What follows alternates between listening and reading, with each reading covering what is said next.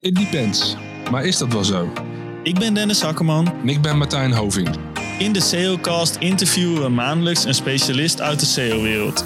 Aan de hand van bekende thema's en ontwikkelingen binnen SEO vragen we de specialist om zijn of haar kennis met de wereld te delen. Veel luisterplezier. Vandaag gaat SEOcast voor de tweede keer internationaal, want we mogen onze eerste Vlaamse gast verwelkomen. Hij timmerde al een tijd aan de weg als freelance SEO-specialist en heeft sinds kort ook de stap gemaakt van freelance SEO-specialist naar Depends, een SEO-agency. Daarnaast is hij ook founder van SEO Benelux, voor de meeste SEO's een bekende community die België en Nederland verbindt als het om SEO gaat. Welkom Matthias Noyer. Ja, dankjewel. Heel leuk om hier te zijn. Spreek je naam goed uit zo?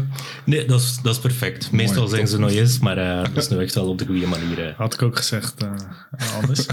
hey, uh, bedankt dat je helemaal de rit vanuit Antwerpen naar Amsterdam hebt, hebt willen maken. Mooi dat je er bent. we beginnen eigenlijk altijd met, ja, hoe ben jij zo de wereld van SEO ingerold? Goh, um, dat is ondertussen nu toch al, denk ik, zo'n zevental jaar geleden. En natuurlijk, zoals heel veel SEO-specialisten, ben ik niet, heb, ik geen opleiding SEO gedaan. Dat bestond ook uh, nog niet natuurlijk. Uh, ik heb ooit een, bacheloropleiding, noemen ze dat dan in België, gestart als leerkracht lager onderwijs. Um, maar als je dan één keer een stageopleiding gedaan hebt, waarbij je kinderen een bananenmilkshake maken en die hele klas volhangt, dan denk je toch een keer na over je, over je carrièrekeuzes. Um, en dan ben ik eigenlijk heel snel gestart uh, in een opleiding om te gaan programmeren. Echt wel basic webdesign, programmatie, WordPress websites maken.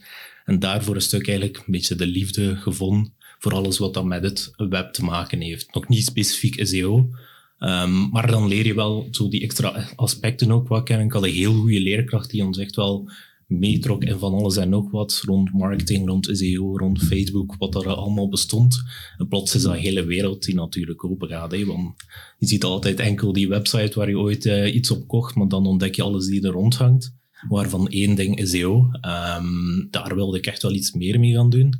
En dan een korte stage gedaan eigenlijk bij een agency waar ik uh, destijds aan gewerkt heb, een SEO-agency daar niet direct begonnen. Dan eerst begonnen met programmeren, echt puur programmeren, PHP, HTML, CSS bij, bij een uh, web development agency, puur uitvoerende. Uh, wat dat mij wel op den duur wat frustreerde om enkel maar te programmeren, echt wel de shit op te lossen. Dus uh, wel respect voor de meeste developers, wat die allemaal binnenkrijgen in een mailbox als een website niet werkt. Um, en daar ja, natuurlijk een beetje uit frustratie van niet met SEO te kunnen bezig zijn, niet met marketing, omdat er, er was nooit geen budget en er was nooit de job van een developer om dat te doen. Um, uiteindelijk dan de stap gewaagd en, en gesolliciteerd bij een SEO-agency, Visio destijds, um, om het daar eigenlijk echt wel het vak te leren. Uh, en dat heb ik ook wel echt gedaan, daar echt wel heel veel stappen kunnen zetten om dingen te doen, audits te gaan doen, daar een beetje echt wel een hele liefde opgebouwd voor, uh, voor zoekmachines. Um, en daar eigenlijk alles zo wat geleerd. Daar denk ik een, een vijf, uh, nee, een drietal tot viertal jaar gewerkt. Uh, om dan uiteindelijk de, de overstap te maken naar freelancer en nu, nu voor een stukje ook het agency. Mooi. Mooi. Uh, laten we dan direct over developers gaan hebben. Je, je zegt respect ja. voor developers. heb jij ook een manier om developers ver te krijgen bij je klanten om iets te uh, te doen? Ik denk dat daarin belangrijk is om echt wel communicatie wat op te bouwen met hen. Om die niet echt afstandig da daar tegenover te staan en te zeggen van oké, okay, um, dit moet gebeuren en doe het zo op die manier en doe het enkel zoals dat wij het zeggen. En er is altijd een beetje negativiteit, vind ik. Allee, in de SEO-community is dan altijd vrij negatief. Developers zullen niets doen en zo verder. Natuurlijk, het is, het is een wederzijdse uh, communicatie die je moet doen. Um, en het is nogal heel gemakkelijk natuurlijk om erop te bashen als iets misloopt. Maar die hebben zoveel aan hun hoofd en die, die willen natuurlijk dingen uitvoeren op een manier waarop hen meestal het makkelijkst lijkt, omdat ze zo overbevraagd worden. Dan is het altijd belangrijk, vind ik, om echt na, mee na te denken over hoe dat je dingen kunt doen en hen ook te laten mee nadenken. Um, als iets op een bepaalde manier volgens jou moet uitgevoerd worden, maar er is een betere manier die ook wel op een SEO-vriendelijke uh, wijze kunt gaan doen, is dat wel belangrijk om die erin mee te gaan betrekken. Uh, ook resultaten te delen met hen, zodat ze echt wel voelen van de aanpassing die ik nu gedaan heb. Die drie sprints die we toegekend hebben aan uh, het creëren van een module om landingspagina's te genereren, wat doet dat nu precies? En zo ga je ze ook wel meer meekrijgen, denk ik, in volgende stappen, volgende ontwikkelingen. Want uiteindelijk zij moeten inschattingen maken qua effort en zo verder. Dus wel een belangrijke fase om, om dingen gedaan te krijgen, denk ik. Dus ja, die communicatie vind ik wel, vind ik wel heel belangrijk. Ja. Ja, mooi. En dan uh, volgens mij kunnen we dan ook direct weer terug naar uh, je begin van de loopbaan, uh, toch? Ja. Um, en um, jouw eerste stappen binnen SEO. Hoe, hoe, zie je, je, hebt, je hebt natuurlijk zelf gecodeerd, hè? Ja. Um, hoe zie je dat ten opzichte van andere CEO's? Well, ik vond het wel een, meerwaarde. waarom? Omdat je zo wel op een bepaalde manier beter de structuur van een website achterliggend ook begrijpt. Begrijpt hoe dat het web wat in elkaar zit ook, hoe dat bepaalde zaken naar effort zitten. Van is dat nu veel werk, is dat weinig werk? Het helpt wel bij inschattingen maken ook. Uh, want je merkt heel vaak, en nu zeker vandaag de dag, um, juniors, marketeers die een marketingopleiding hebben gedaan en die starten uh, als, als, stage, een stagiair of uh, nog maar vers in een job, die, die heel weinig weten over dat de website structuurmatig technisch in elkaar zit merken dat ze toch wel wat moeilijker hebben in het begin. Ze moeten echt wel die deep dive erin kunnen doen. Uh, die communicatie ook terug met developers gaat wel iets makkelijker als je zo wat die achtergrond hebt. Ik durf nu niet zeggen dat ik nog een, een heel goede developer ben. Laat mij geen website programmeren uh, vanaf scratch nu. Dan, dan zal het altijd met ChatGTP gebeuren. um, maar het helpt wel om, om dingen te begrijpen. Dat is wel, uh, dat is wel zeker. is het een vereiste? Denk ik niet. Ondertussen is SEO wel al veel breder geworden dan wat het vroeger is. Uh, je hebt zoveel verschillende rollen, van, van linkbuilding, autoriteit naar content. Uh, afhankelijk van, van de klant of het bedrijf waar je werkt, kun je zeker wel bepaalde rollen oppakken die minder die technische know-how misschien uh, vergen. Maar ik denk dat het altijd wel, altijd wel een mooie meerwaarde is om, om het te hebben. Ja, ja. Hey, uh, als we het uh, hebben over jouw carrièrepad uh, zojuist, uh, mis ik eigenlijk nog wel twee mooie mijlpalen volgens mij. ik kan me namelijk herinneren, volgens mij heb jij ook nog een e-commerce avontuur gehad. Kun je daar misschien wat meer over vertellen? Goh, dat was eigenlijk tijdens de coronaperiode. Um, ik herinner mij nog goed, ehm, in België was er toen op het nieuws een man die terugkwam uit China. Ehm, die het coronavirus had opgedaan.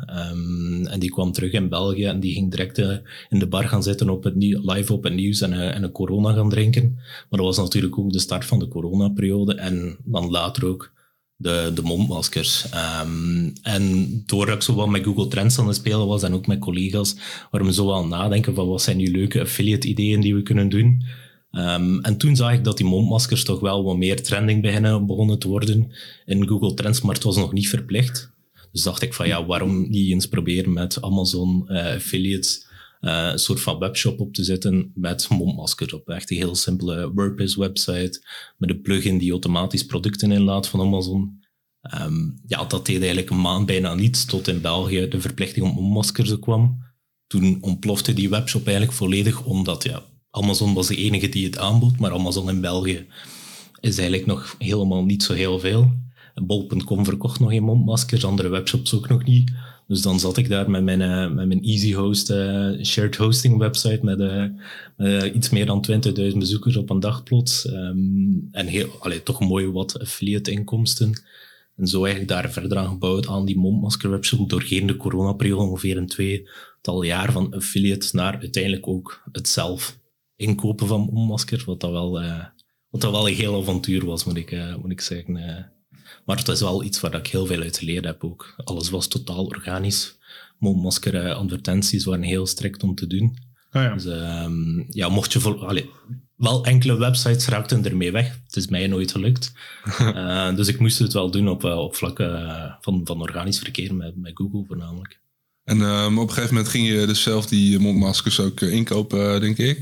Ja. Uh, nou, we kennen allemaal het verhaal van Siebert van der Linde in, in Nederland natuurlijk. Daar heb ik niets mee te maken. Nee, nee, het is goed dat je dat even aangeeft. Maar hoe, hoe gaat dat te werken? Want op een gegeven moment bedenk je van, ik moet zelf die dingen in gaan kopen, want dan kan ik meer marge maken. En dan denk ik even.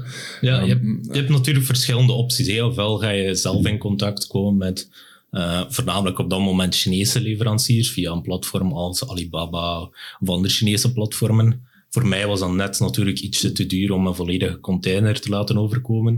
Maar je kan alleen maar per container bestellen als je van China wilt. En ja, ik heb ook niet de opslagplaats. Ik woon in een woonwijk, dus uh, om daar een camion met, met een container laten toekomen, dat gaat niet. Dus heb ik ergens een beetje op zoek geweest naar uh, tussenleveranciers. En het voordeel was wel, doordat ik een redelijk bekende webshop op dat moment had, die echt wel goed scoren in zoekresultaten, kwamen eigenlijk leveranciers mijzelf contacteren met oké, ik ben een invoerder van um, producten uit China, nu heb ik heel veel producten die mondmasker gerelateerd zijn, ben je geïnteresseerd om misschien kleinere afnames te doen, zodat we ook wat kunnen verkopen naar België toe. En dat was eigenlijk een Nederlander die bijna elke week eigenlijk mondmaskers kwam leveren bij mij. Waardoor dat ik wel, natuurlijk, dat was iets duurder dan dat je zelf een container inkoopt. Maar zo is het risico voor mij wel kleiner om wat kleinere voorraden in te kopen. Ja. Ik denk dat ik in het begin begon met, met vier dozen van 50, eh, vier karton van 50 doosjes mondmaskers. En op de duur waren dat 20 dozen.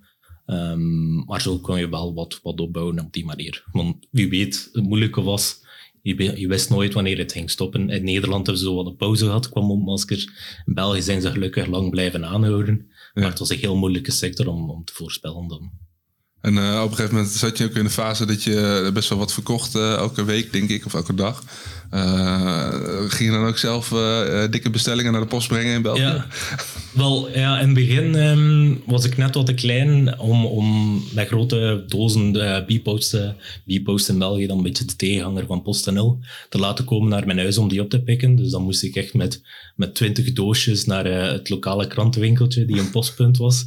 um, dus die keken niet altijd heel tevreden als ik daartoe kwam met twintig dozen. Um, maar ja, dat was telkens echt s'avonds pakketjes maken, uh, de lijsten afprinten met wie je wat moet hebben, bestelbonnen opplakken. Dus uh, plots was ik uh, een goede klant van Rajapak ook in, in België. Um, dat zorgt wel voor wat uitdaging. En gelukkig had ik toen nog, nog geen dochtertje van een jaar oud. Kon ik, de babykamer was toen eigenlijk de voorraadkamer. um, dus ja, dat was wel... Allee, het was heel, heel druk en, en heel veel werk. Dus uh, zeker niet onderschatten, denk ik, naar mensen die een webshop starten. Denk in coronaperiode hebben er heel veel webshops gestart. Echt wel onderschat wat, wat het inhoudt. Want dat is s'avonds pakketjes maken, s ochtends met die pakketjes daar naartoe. Klantenservice ook die erbij komt. Um, maar ja, heel veel zelf moeten doen en heel veel samen met de vriendin s'avonds uh, pakketjes maken en dan krantwinkeltje om zes uur. Uh, was wel... Was wel nou, dat klinkt wel als een, als een mooi avontuur inderdaad. Um, Hey, en dan, uh, de, mooi verhaal. en ik ben ook wel benieuwd, CEO Benelux. ik kan me voorstellen dat daar ook best wel wat tijd en energie naartoe gaat. Daar kruipt zeker wel tijd en energie in. Maar natuurlijk, het doet het wel ook heel graag. En, ja. Ik haal er zelf ook wel enorm veel uit, als, als, zowel als SEO-specialist als persoon ook. Um, want ja, als ik een beetje terugkijk naar waarom dat ik het ooit gestart ben was dat echt wel vanuit het, ding om bij te leren ook. Want toen was ik begonnen bij het SEO agency waar ik destijds uh, zat, als op dat moment de tweede SEO-specialist, na, na de baas ook, uh, die daar werkte. En heel weinig connecties van andere SEO-specialisten. Ja, ik ken nog niet veel personen op dat moment. Uh, we zaten daar ook in een, in een pittoreske brugge, heel ver weg van Brussel, Antwerpen, Amsterdam en zo verder. Dus heel weinig meetups. Um, en toen had ik het wel op een gegeven moment wat moeilijk om informatie te krijgen vanuit community of, of wat meer cases. Van oké, je bent iets aan het proberen. En zeker iedereen heeft al tegengekomen de paginering van hoe moet je dat nu precies gaan aanpakken. Hoe pakken andere webshop, andere SEO-specialisten dan aan. En dan kun je wel gaan zoeken op het internet, kun je wel op Twitter volgen, maar dat zijn alle grote Amerikaanse SEO'ers, de UK, SEO-specialisten die altijd heel grote cases voorstellen, wat dan niet altijd even relevant is of niet alles van de UK werkt nog in, in Nederland en België, zeker omdat we meestal wat achterlopen op Google-vlak. Um, dus dan ben je op zoek naar wat meer connectie en daarvan eigenlijk die, die community op start. Destijds was er ook wel een digital marketing community in België. Dus een beetje naar het, naar het voorbeeld daar, daartoe. En dat is eigenlijk heel snel gegroeid. Uh, ik denk dat we in een jaar naar een, duizend tot 2000 leden waren gegroeid heel snel. Ja. Uh, en toen was het tijd voor, uh, voor de meetups ook eens te organiseren, voor wel nog iets meer connectie uh, tussen echt wel die Belgen en die Nederlanders, want dat was, vond ik, gebeurde toch iets te weinig. we spreken dezelfde taal, maar eigenlijk werd er heel weinig gedeeld tussen, tussen elkaar, wat dat wel heel jammer was eigenlijk. Ja. Ja. Zitten, zitten er ook echt eh, eh, verschillen tussen eh, de, de Belgische SEO's en Nederlandse SEO's? Een verschil die mij altijd heel sterk opvalt bij de meetups. ehm, wanneer ik een Belgische meetup doe, eh, dan heb je 90% digital marketeers, performance marketeers, eh, webshop-eigenaren of, of eh, digital marketing managers. Wanneer ik het in Nederland doe, dan heb je 90% puur sales specialisten. Ja. Dus je merkt wel een groot verschil in die markt. Dat er in Nederland veel meer dedicated sales specialisten zijn. Terwijl dat je in België nogal een versnippering hebt en heel veel digital marketeers die het waarschijnlijk ook van het bedrijf er gewoon moeten bijnemen. En zo ook wel SEO leren, maar nooit die rol specifiek gaan opnemen. Ehm, ja, dat is ook hetzelfde als ik kijk naar het aantal agencies in, eh, in België, SEO-agencies, tegenover in Nederland, dan heb je daar toch wel eh, een heel groot verschil in ook. ehm. Ja. Natuurlijk, ja, het, is, het, is- het verschil wordt ook wel gemaakt, denk ik, door het aantal webshops, het aantal e-commerce bedrijven die er in Nederland zijn, door de beetje te, te harde regelgeving in België, Ja. eh, zijn ze heel snel achtergelopen op Nederland qua, qua e-commerce, wat dat wel jammer is. Kun, kun je daar iets over vertellen? Want ik, ik heb daar inderdaad ook vaak over gehoord natuurlijk. Eh, Ja. Zoals ik het eh, begreep, zijn er eh, in België veel strengere eh, regelgeving ook rond, eh, rond nachtwerk en zo verder. Ah, ja. Eh, waardoor dat het veel moeilijker is om pakketjes eh, na bepaalde uren nog te maken of s'nachts de pakketjes te laten maken in, bij een Coolblue, bij een Amazon, et cetera, die in Nederland gevestigd zijn. Ja, je kunt tot pakweg 11 uur bestellen en nog eh, de dag erop eh, je pakketje ontvangen. Doe je dat bij een typisch Belgische webshop, dan, dan zal dat heel moeilijk zijn. Daarom dat heel veel magazijnen ook net over de grens met Nederland Ja. gewoon leveren aan België, Duitsland, et cetera. Ehm, dat dat veel gedaan wordt door die e-commerce partijen. Maar dan verhuist ook meestal wel de marketingafdeling, zit dan ook meestal in Nederland. Waardoor dat die investering net wat groter is, dat heeft natuurlijk ook een push eraan gegeven. Mhm. Ehm, dat is altijd een beetje een probleem geweest met België, met te veel regels, eh, overheden die versnipperd zijn en zo verder. Ik denk dat we daar nog een hele podcast kunnen over maken. Ga, gaan we niet doen.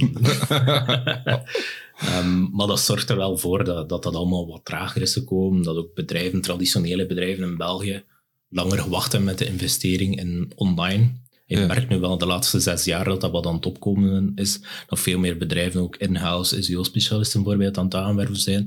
Ik denk dat we dat alleen maar kunnen, kunnen toejuichen ook. Ehm, dat, dat dat groeiend is. Ehm, maar we kunnen niet ontkennen dat, het, dat we wat achter staan. Plus het verschil tussen 6 miljoen Vlamingen en 19 miljoen Nederlanders. Ja, om en erbij denk ik. 18, Ja, 19. Ehm, 18, ja. dat maakt het ook wel interessanter natuurlijk eh, om hier echt je e-commerce bedrijf eerst uit te bouwen en dan eh, naar België te gaan. of Vlaanderen gewoon erbij te nemen. Hè. En je hebt, je hebt natuurlijk ook nog eh, V- Vlamingen en Walen.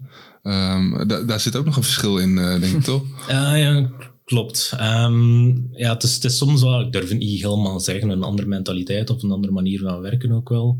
Eh, en, en Waal gaat al iets meer natuurlijk richting, richting de Frankrijk trekken bijvoorbeeld. Of is, is een andere manier van werken. Die zijn veel eh, expressiever ook soms. Eh, ik weet niet of dat je ooit al met een Fransman of een Waal hebt samengewerkt.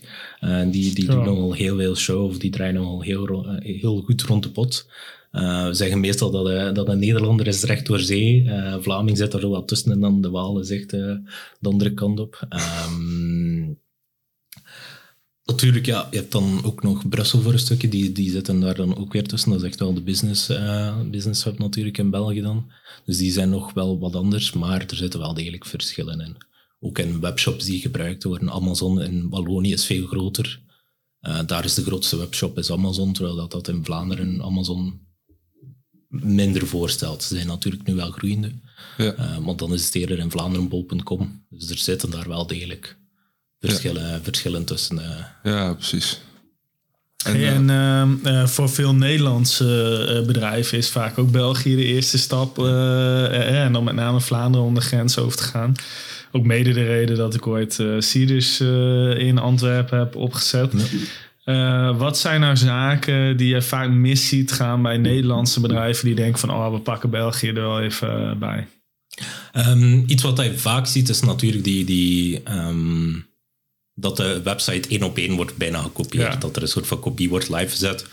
denk ideaal om te testen of een beetje te, het water af te tasten natuurlijk. Ja. Ehm, maar dan wordt er heel snel de fout gemaakt om dat gewoon zo te laten en alle typische Nederlandse woorden zoals pinnen en, en zo verder gewoon te laten staan op de site. Wat dat wel bij bepaalde Vlamingen misschien frustraties kan opwekken of kan zeggen van oké, dit is echt wel, lijkt mij een puur Nederlandse webshop, ik wil toch wat meer Belgisch bestellen. Ehm, dat dat kan zorgen voor wat conversie dat je misloopt of bepaalde woorden uh, benamingen van producten of, uh, of categorieën die nog op typische Nederlandse manier verwoord worden. Um, het is niet dat dat, alleen, dat dat 90% van je categorieën zal zijn. Meestal zijn die woorden wel voor een stuk hetzelfde. Maar er zijn altijd wel duidelijke verschillen. En dan wordt er bijvoorbeeld geen goed zoekwoordonderzoek gedaan voor Vlaanderen. Wordt er niet echt gekeken naar, oké, wat zijn die verschillen waar we eventueel moeten, uh, moeten op gaan inzetten. Dus dat denk ik meestal de fout is. Ietsje te snel die kopie zetten en, en het zo houden en dan massa uh, advertenties draaien in België. Um, maar ja, het is echt wel opletten dat je echt wel die verschillen, die, die taalverschillen, toch wel, uh, toch wel kunt, kunt verwerken. Heb je een paar voorbeelden van die taalverschillen? Ik weet dat aanbieding, uh, dat het solden is. Uh. Ja, je hebt, de, je hebt de solden inderdaad. Een beetje solden slash korting die, die iets meer gebruikt worden. het stukje rond, rond pinnen, maar dat is meer in, in de winkels natuurlijk. Um, mobiel, telefoon, smartphone. En denk ik in Nederland hadden het al heel snel over mobiel. Uh, ja. Terwijl dat is in België zegt wel mobiel, zegt niemand. Het is echt wel smartphone bijvoorbeeld. Dus er zijn echt wel die, die duidelijke verschillen ook daarin, dat je, dat je wel merkt. Um, ik denk dat dat wel iets meer zal vervagen op den duur, omdat we echt wel binnen gewoon te worden aan Nederlandse webshops. Ja.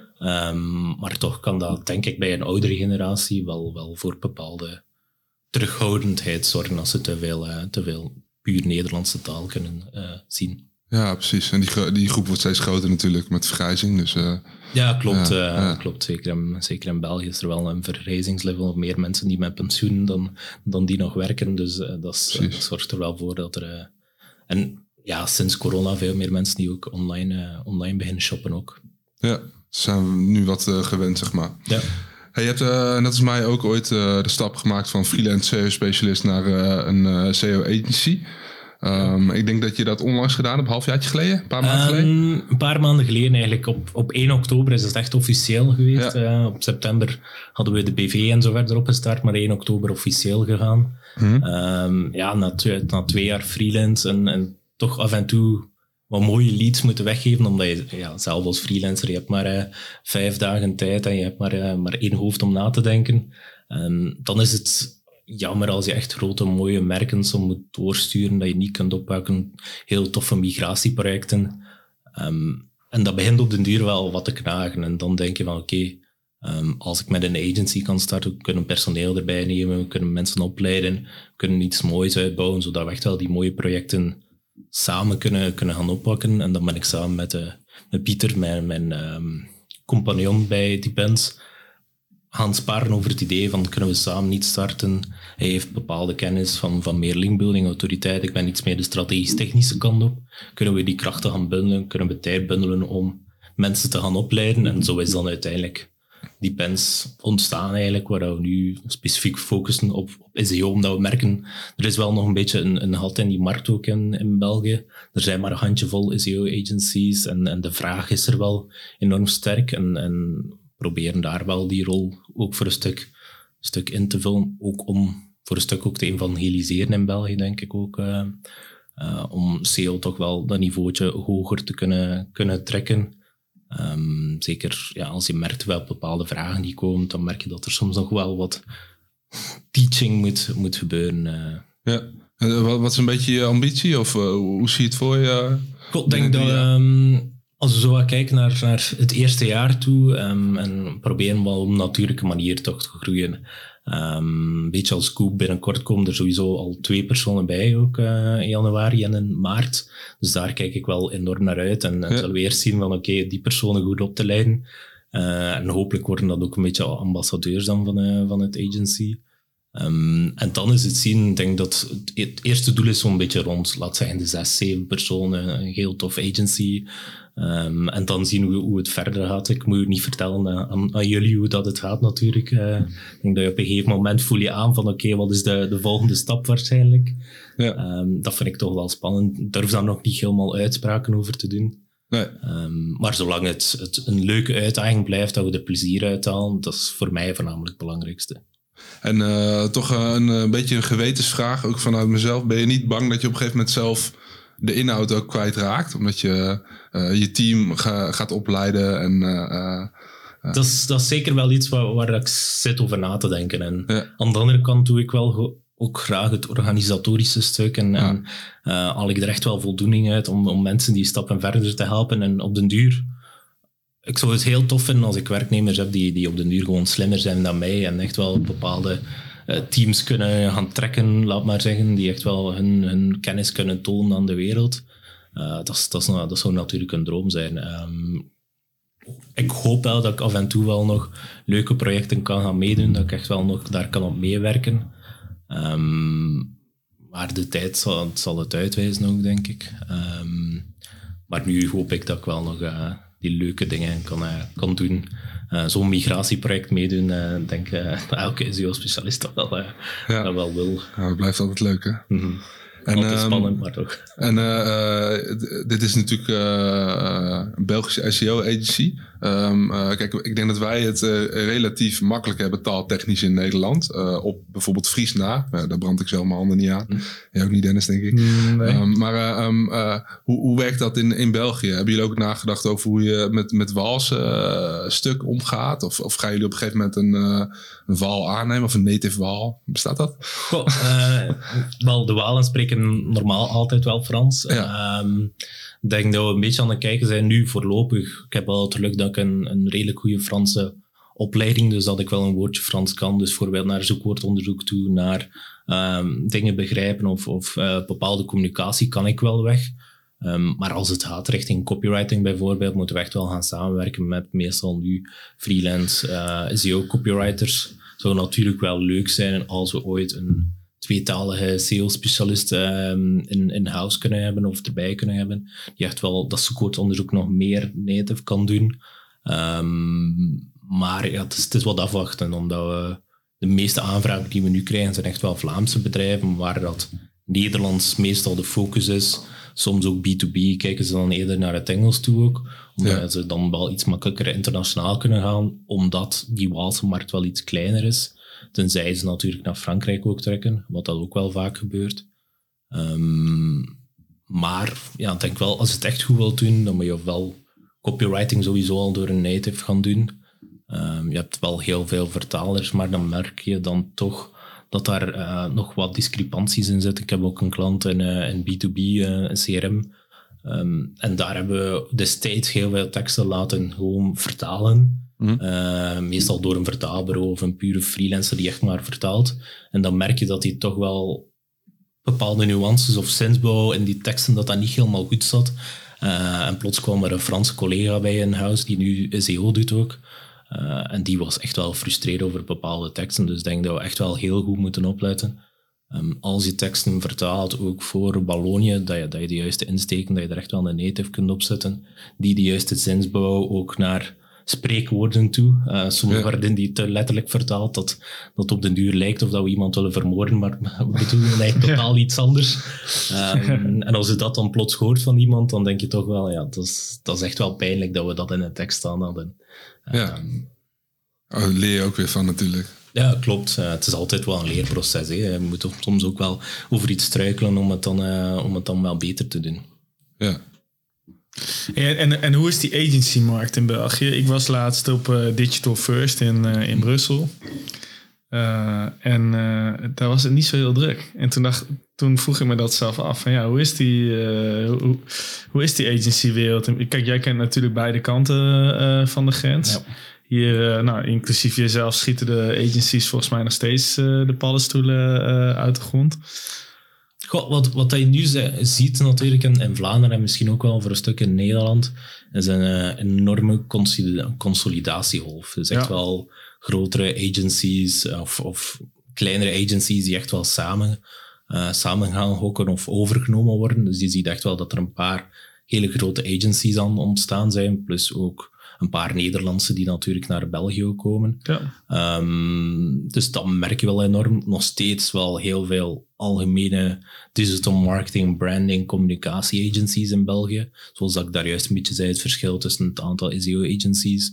Ehm, en je hebt, ik denk in België wat je nu ziet, ofwel moet je een heel grote algemene digital marketing agency bot zijn, ofwel moet je heel specialistisch zijn. Uh, maar alles ertussen, die, de, de kleine uh, digital marketing agencies die alles willen doen, van zes, zeven personen, die, die zijn er echt wel van tussenuit aan het gaan. Um, en dan heb je enkel nog echt de specialistische die ofwel onder een groep zitten, ofwel echt wel die kennis kunnen etaleren door echt wel naar de community te gaan of, of goede projecten te kunnen doen. Um, maar dat is wel een beetje de beweging dat ik ook zie in, in België op dit moment. Um, wat dat wel voor uitdaging zorgt natuurlijk, omdat heel veel klanten zitten plots in een groep. Dus die, zitten dan, die, die kunnen ook SEO doen daar. Ja. Uh, niet altijd, naar mijn mening, op de beste manier. Nee. Um, en dan merk je dat er ook heel veel freelancers worden aanvaard, omdat de, de, kennis is er niet in huis. Maar ze hebben wel een project verkocht uh, voor zoveel uren SEO per maand, want er is geen SEO-specialist, dus dan moeten ze op zoek gaan naar andere agencies of freelancers. Dus uh, dan merk je wel een beetje die beweging. uh. Wat dat, betreft niet zoveel verschil uh, met Nederland. Nee. Nee, dat dacht ik al. Denk ik toch? Ja, ook hier zijn niet zo heel veel onafhankelijke bureaus Nee, meer, uh, precies. meer over. Gaat hard. Ja. Gaat heel... Uh, Maar wel veel uh, freelancers, denk ik, in Nederland in ieder geval. Ja, op SEO-vlak. Maar is, is, dat in Vlaanderen ook nog, nog steeds zo? Het is wel groeiende. Ik heb nu een paar oude, oude collega's die ook freelancer geworden zijn onlangs. Ja. Um, zeker als, als, uh, ja, als je goed bent in je vak, dan heb je altijd werk als, als freelancer. Um, ik ken nog niet zo heel veel SEO-freelancers specifiek. Nee. Um, maar dat is, dat is ook wel, wel groeiende. meer mensen die echt wel die stap wagen ook, denk ik ook wel, doordat je community ook wel leert kennen, dat je ook sneller connecties kunt gaan leggen. Uh, want nu gebeurt er ook nog heel veel via dan uh, freelancing agencies die jou ergens plaatsen in een bedrijf. Ja, precies. Waar dat er nu wel meer en meer de stap aan het zetten zijn om zelf al beslissingen ook te nemen, denk ik. Ja. Um, dus dat vind ik, wel, uh, vind ik wel een goede beweging. Ja, ik denk dat het ook wel goed is, inderdaad.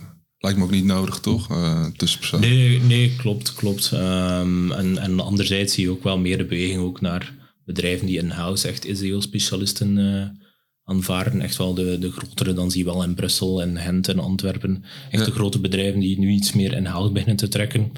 Voor agencies niet altijd de beste natuurlijk, maar ik vind het wel een goede beweging voor het, het SEO-landschap. Want dat laat merken als die grote echt wel investeren om iemand in loondienst te nemen om het dagdagelijks te doen, dan kijken andere bedrijven daar ook wel naar van oké, het, moet wel- het moet wel iets zijn. Als die bedrijven daar zo hard op inzetten om, om SEO te gaan doen, dan moeten wij daar ook zeker mee aan de slag. En, en dat toont wel het belang ervan aan. Ja, precies.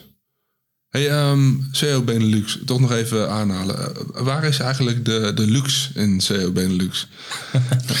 Ehm, ja, dat was ooit meer voor, eh, voor een toffe naam te bedenken. eh, en, en ja, Luxemburg heb ik nog nooit echt een meet-up kunnen doen. Ik, ken- ik ken er ook heel weinig personen. Ik denk dat dat voornamelijk een bankenhub is eh, voor, voor rijke mensen op dit moment, of de financiële wereld. Ehm, ja, wie weet komt er ooit wel een meet-up in Luxemburg. Dan moeten, moeten we wel eens goed plannen met hotels en zo verder. Ehm, maar op dit moment helaas hebben we nog niemand, eh, of ken ik toch niemand vanuit Luxemburg die, die in de groep zit. eh. En eh, toch, het is een grote groep geworden, toch? Hoe, hoeveel mensen zitten nu? Ik denk dat we nu rond de 4800 personen zitten. Een goede mix, denk ik, van pure sales-specialisten, webshop-eigenaars, digital marketeers. Want uiteindelijk is het wel iets groter geworden ehm, dan enkel de sales-specialist. Ja, Ehm, wat dat altijd leuk wel is, is dat er nog altijd wel mensen eh, pure sales zijn die het niet kennen. ja. Dus elke Ja. meetup komen Hoe er dan? altijd nieuwe, nieuwe personen bij. Eh, dus dat vind ik ook wel leuk om, om nieuwe mensen te leren kennen op die manier. Ehm, en dat samen met de meetups echt wel die connectie wat meer leggen tussen de personen. Je ziet dat mensen echt wel op den duur elkaar goed leren kennen en echt wel ook erbuiten wat meer afspreken. En, en je ziet direct mensen naar elkaar zwaaien, et cetera. Dan, dan allee, merk je toch wel dat er, eh, dat er iets goed gelukt is daarmee. En, en dat je het echt wel mensen kunt samenbrengen dan. Ja, het is voor mij de enige reden dat ik nog op Facebook zit. Is omdat die eh Seven Benelux eh, groep daar zit, zeg maar. Ja, het is alhoewel dat voor mij de Facebookgroep niet meer het belangrijkste is, denk Nee. ik. Eh allee, er is nu een bepaalde naam opgebouwd met SEO Benelux. Zeker naar de meetups toe vind ik nog altijd wel de belangrijkste poot op dit moment. Ja, omdat je daar echt die connectie meer maakt. Dat je ook kennis beter kunt gaan delen. Plus Facebook is ook al een platform geworden dat ik zelf ook niet meer de grootste fan van ben. Ook naar archivering toe van topics en zo verder is dat echt wel een, een ramp daarop. Want doorgeven, denk ik, nu zijn we eh, 20 november, waar we ongeveer zes, zes jaar of vijf jaar bestaan met SEO Benelux. Ehm, maar dat is, dat is een grote berg aan, aan vragen die beantwoord zijn geweest, maar een ramp om door te zoeken. Eh, dus dat is natuurlijk wel de uitdaging met Ja. het Facebook gegeven. En ik denk dat we ooit Staat er al migratie op de planning? Want een van de redenen waarom ik de laatste meetups heb, is, heb gemist, is dat ik eh, in de zomervakantie dacht van, eh ik klaar met al die social media, ik gooi Facebook eh, eraf. En nu, eh, ja, nu de laatste paar edities dacht ik, shit, heb ik helemaal niet... eh, Zit ook in de mailinglist, toch? Ja, niet, eh? nou ja, die, dat gaat ook niet. Ja, die, die nieuwsbrief is al, eh, is al eventjes geleden eh, dat ik een heb kunnen, kunnen inplannen. Ehm, maar ik denk dat we op een gegeven moment wel naar een ander type platform of, of een andere manier van communiceren moeten gaan. Dat de Facebookgroep daar niet meer eh, de primaire nood in is. Want ik merk nu zelf ook wanneer ik een post plaats op, op LinkedIn, eh, dat, dat dat veel sneller mensen bereikt dan dat het op Facebook doet, doordat mensen veel minder actief zijn daarop. Ehm, dus ik denk dat we daar wel moeten kijken naar een, eh, naar een andere manier. Eh, en is dat voornamelijk met een mailinglijst bijvoorbeeld echt wel zelf meer dingen in handen gaan nemen? Dat is wel de volgende stap erin. En hopelijk ook om wat dingen meer uit te gaan bouwen naast gewoon de, de traditionele meetups naar een full-day event of, of andere zaken. Denk ik liggen er nog veel meer dingen in verschot dat we beter kunnen doen dan een Facebook community puur te onderhouden. Ja. Ehm, die, die ja, op den duur een beetje te klutterd raakt misschien ook, met, met te veel mensen. Dat is natuurlijk wel de uitdaging als het dan snel groeit. 4800 is echt veel. Ja, klopt. Ja. Dat is echt veel. Ja. Dat is wel eh, alleen voor een B2B community. Er zijn, er zijn wel grotere communities natuurlijk op Facebook rond, rond planten en, en promo jagen en zo verder. Ehm, maar het is best wel, eh, best wel een stevige voor eh, puur B2B en echt een niche, niche Precies. van marketing eigenlijk. eh, is, dat wel, eh, is dat wel mooi. Ja, het zegt ons eigenlijk dat SEO ook gewoon nog steeds eh, groot is eh, en Ja. blijft. Dus eh, Ja, Dat het, zegt ons ook dat bijna 80% van jullie community onze podcast is nog niet luistert. daar, daar kan groei in komen. Dus, ja, share, share, share. ja, wellicht eh, met jouw eh, deelname aan deze podcast. eh, Kom, komt er meteen ook de helft van. België bij, dus eh, dat is ook een voordeel. ja. Hey, eh, als we kijken naar de toekomst, wat, eh, wat zijn de plannen van jou? Goed, natuurlijk eh, het verder uitbouwen van, eh, van het agency, de twee personen die erbij komen, eh, is een van de grote, grote uitdagingen om die echt wel eh, wat verder te helpen. Ehm, als ik kijk ook naar, naar SEO Benelux toe, is het echt wel plannen om eh, misschien iets grotere events te organiseren.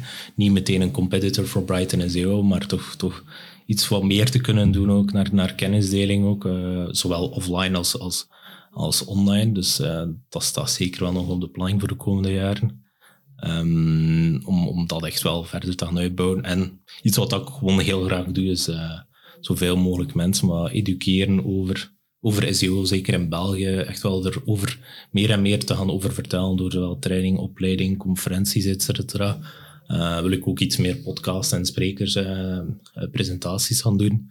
Ehm, dus dat is echt wel een focuspunt voor mij voor, voor de komende jaren, om dat nog iets, nog iets beter, nog iets meer te kunnen, te kunnen gaan doen ook. mooi. Cool, wat gaaf. Hey, moeten we het ook nog even hebben over AI? Ik, het is nog niet eens voorbij gekomen in deze, Dat is. Is ook deze wel aflevering. Ja, is misschien ook wel een keer lekker. Nee, ik ga het toch nog eh, even doen.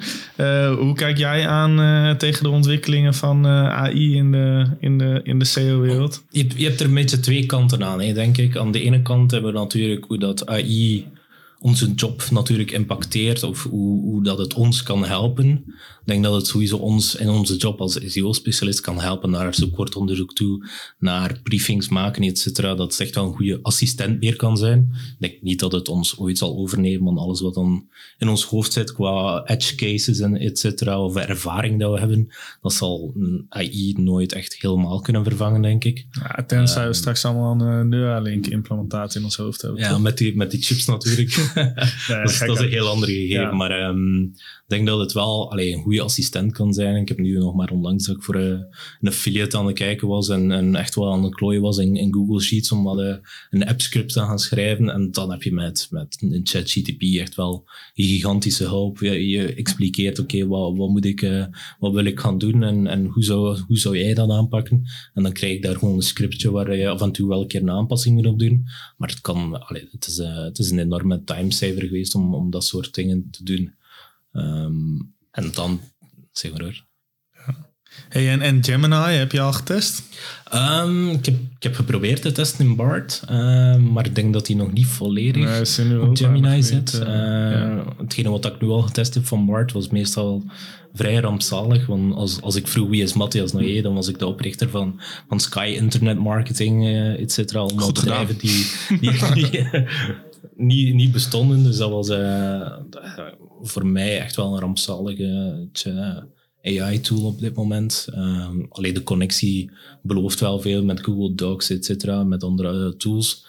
Maar op dit moment gebruik ik toch nog iets meer die ChatGTP. Ja. Natuurlijk, het is wat afwachten wat het zal geven als het echt geïntegreerd wordt in, in Google en de zoekmachine zelf.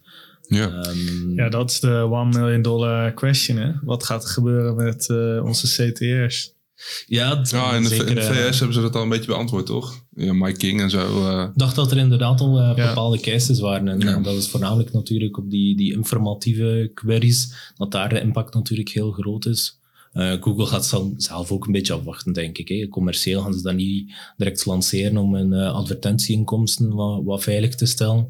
Want als dat impact heeft op advertentieinkomsten, dan zullen de aandeelhouders waarschijnlijk al heel snel eh, de kraan van de AI wat dichtdraaien. Ja, Ehm, dus, dus dat is wel eh, dat is nog wat te zien wat dat, dat zal geven. Plus, we zijn Europa, dus dan hebben we Ja. ook wel nog even wat tijd, denk ik. Maar ehm, ja, ik ben echt wel benieuwd wanneer het een keer wordt eh, uitgerold ook. Hier.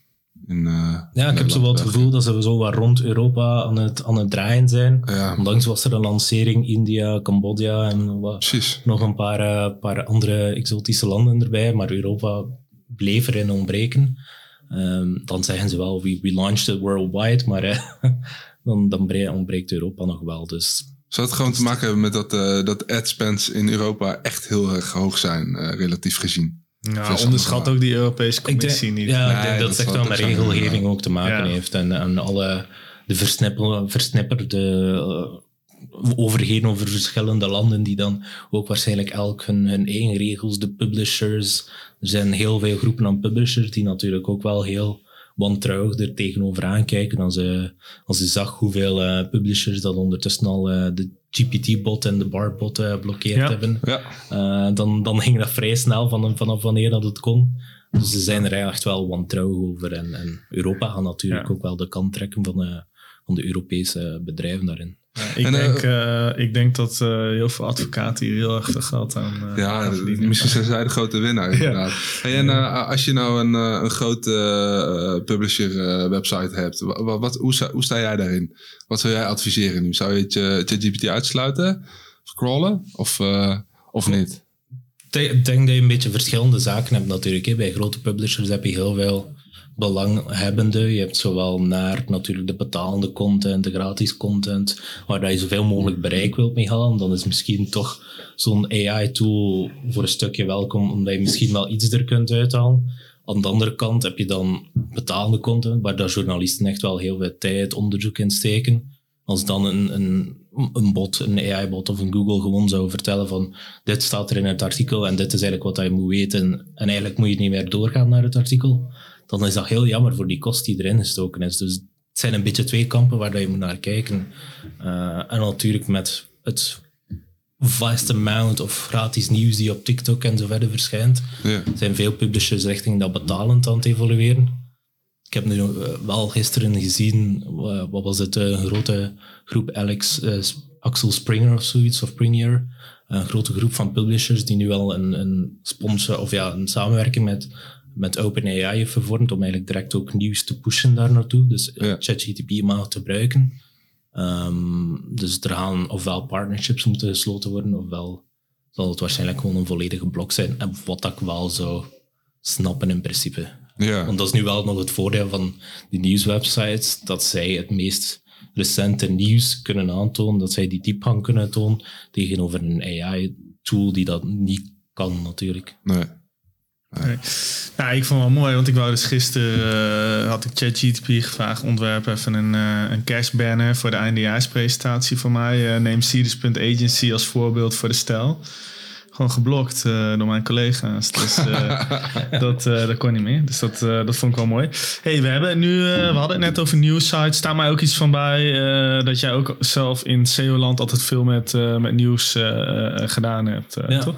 Ja, ik heb de afgelopen jaren wel, uh, wel een paar van de grote Belgische uh, nieuwsites gedaan. En nu sinds kort ben ik al eventjes uh, toch een goede twee jaar aan de slag ook bij DPG Media. Een collega, collega van Sofie die ook in, in een eerdere podcast zat. Ja. Um, maar Ja, ik heb iets eerder de focus op, op het laatste nieuws. Um, HLM.be en in België, die toch wel de grootste nieuwswebsite is. Die hebben denk ik een marktaandeel van iets van 20 tot 30 procent bijna in België. Dus die zijn echt wel gigantisch qua, qua brand. Plus hebben de connectie ook met VTM News, et cetera. Dus ook wat, wat tv. Dus dat zorgt er wel voor dat je wel... Dat ik het ook wel heel leuk vind om voor nieuwswebsites uh, te werken. Het, het enorme, gigantische aantal um, organische bezoekers dat je op een dag krijgt, is, is heel leuk om tests mee te doen. Uh, lanceer je, doe je een aanpassing op een artikel, lanceer je iets, dan zie je bijna direct eigenlijk ook het resultaat ervan. Terwijl dat je bij de traditionele, zeker als je kijkt voor bij B2B-websites, moet je toch wel een paar weken geduld hebben voordat je degelijke changes in, in rankings of, of resultaten ziet. Dus dan is het wel heel leuk om, om, om dat soort zaken uh, te doen. Plus bij DPG, onder, uh, waar dat HLN onder zit, zit er ook wel een heel leuk SEO-team waar dat je echt wel mee kunt sparren ook. Die doen ook echt wel toffe dingen. Dus uh, daarvan dat ik het wel dat nieuwsgedeelte, dat dat heel interessant is ook wel. Ja, dat snap ik wel, ja. Ja. ja. Cool. Hey, we zijn uh, alweer aangekomen aan het einde van, uh, van deze podcast. Uh, en dan hebben we altijd nog één grote vraag. Wat is jouw grootste SEO fuck-up geweest? Ja, um, nu ga ik een beetje terug naar een tijd dat ik die webshop had met, goed, allee, met mondmaskers, goedkope mondmaskers.be. Um, daar, allee, het is niet volledig een SEO fuck-up, maar um, dus daarvoor had ik iets meer een, een gespecialiseerd SSL-certificaat voor, uh, voor aangenomen. Destijds dan op mijn eenmanszaak noemen we dat in België, de ZZP. Uh, ben ik dan later overgegaan naar een, naar een BV. Maar dat zorgt ervoor natuurlijk dat je bedrijfsnaam verandert, waardoor een opnieuw verificatie van je SSL-certificaat moet gebeuren. Heel veel mails over gehad, te weinig tijd om er naartoe te kijken. En op een bepaald moment hebben ze beslist van oké, okay, dat SSL-certificaat, dat zeggen we nu even op, omdat de verificatie niet gebeurd is. Maar ik zat juist bij een klant, kreeg je plots echt wel chatberichten van de website is gewoon niet meer beschikbaar op Chrome. Krijg je zo'n melding van de, Ja. de website is onveilig. Ja. Natuurlijk niemand die nog doorklikt van wie gaat er nu mondmaskers bestellen op een onveilige website. Heb ik toch wel ja, een twee, drietal dagen met die blok gezeten. Twee, drietal dagen heel omzet gekregen. Plus rankingverlies ook, omdat je SSL-certificaat niet in orde is. Dus dat was wel een hele pijnlijke voor mij. Uh, naar, naar omzet toe, naar, naar voorraad toe en verder, die je niet verkocht, uh, verkoopt op een bepaald moment. Dus daar heb ik wel de learning uit gehaald van als je reminders krijgt van je hostingpartij rond bepaalde certificaten, neem die echt wel direct op of kunt... Uh, is, het is veel moeilijker om hem terug te activeren dan hem uh, gewoon even uh, de, de verificatie erop te doen. Toch een van de mooie fuck-ups uh, vind ik wel. Uh, Ja. De meeste mensen durven dat natuurlijk niet te zeggen. Nee. Waar ik nog wel benieuwd naar ben, uh, omzet uh, Allah. Uh, maar uh, wat voor invloed had dan uh, SSL op rankings in jouw geval? Kun je wat vertellen over zichtbaarheid? Uh, dus hoeveel je kwijt het is, was? Het is nu al even geleden natuurlijk, Ja. hè, maar uh, allee, ik wil ook heel, heel graag wel open zijn over omzet. Dus het is een webshop die toch niet meer draait nu. Uh, had ik wel iets rond, rond de 500 tot 600 euro omzet per dag. Dat is niet gigantisch veel natuurlijk, maar voor een kleine webshop met één persoon. Ja. Um, dus dan, als je een bepaald drie tot vier dagen niet, uh, bijna geen omzet hebt, dan, dan voel je dat direct ook wel. Um, plus ranking zijn je wel een bepaalde topzoekwoorden waarvan ik top 3 stond, die dan wel tijdelijk, gelukkig tijdelijk wel, echt wel naar beneden de, de pagina 1 zakten. Ja. Um, en ja, het is, het is moeilijker terug herstellen dan dat je het gewoon kunt behouden.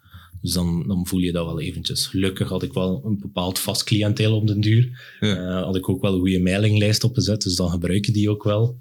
Um, maar ja, het is, je voelt het wel in de, in de portemonnee. De...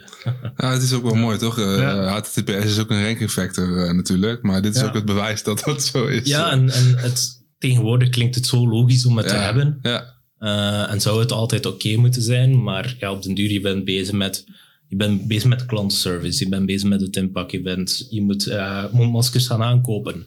Er zijn zoveel, die mailbox gaat vol met facturen. En dan komt daar één mailtje tussen rond die SSL-certificaat. Dan zeg je van, ik breng het wel in orde. Het zal niet belangrijk zijn, maar dan op zo'n moment merk je wel uh, dat het belangrijk is. En, en, dan is het niet direct in orde, dan is er wel frustratie. Je krijgt constant chatberichten van, uh, wat gebeurt er hier, uh, et cetera.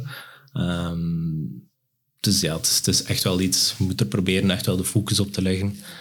van, van die zaken, die basiszaken eigenlijk echt wel op orde te hebben. Ja. ja. Oké. Okay. Mooi. Cool. Hey, leuk. Dankjewel voor deze mooie heel podcast. leuk om mee te doen. Ja, ja dankjewel Matthias.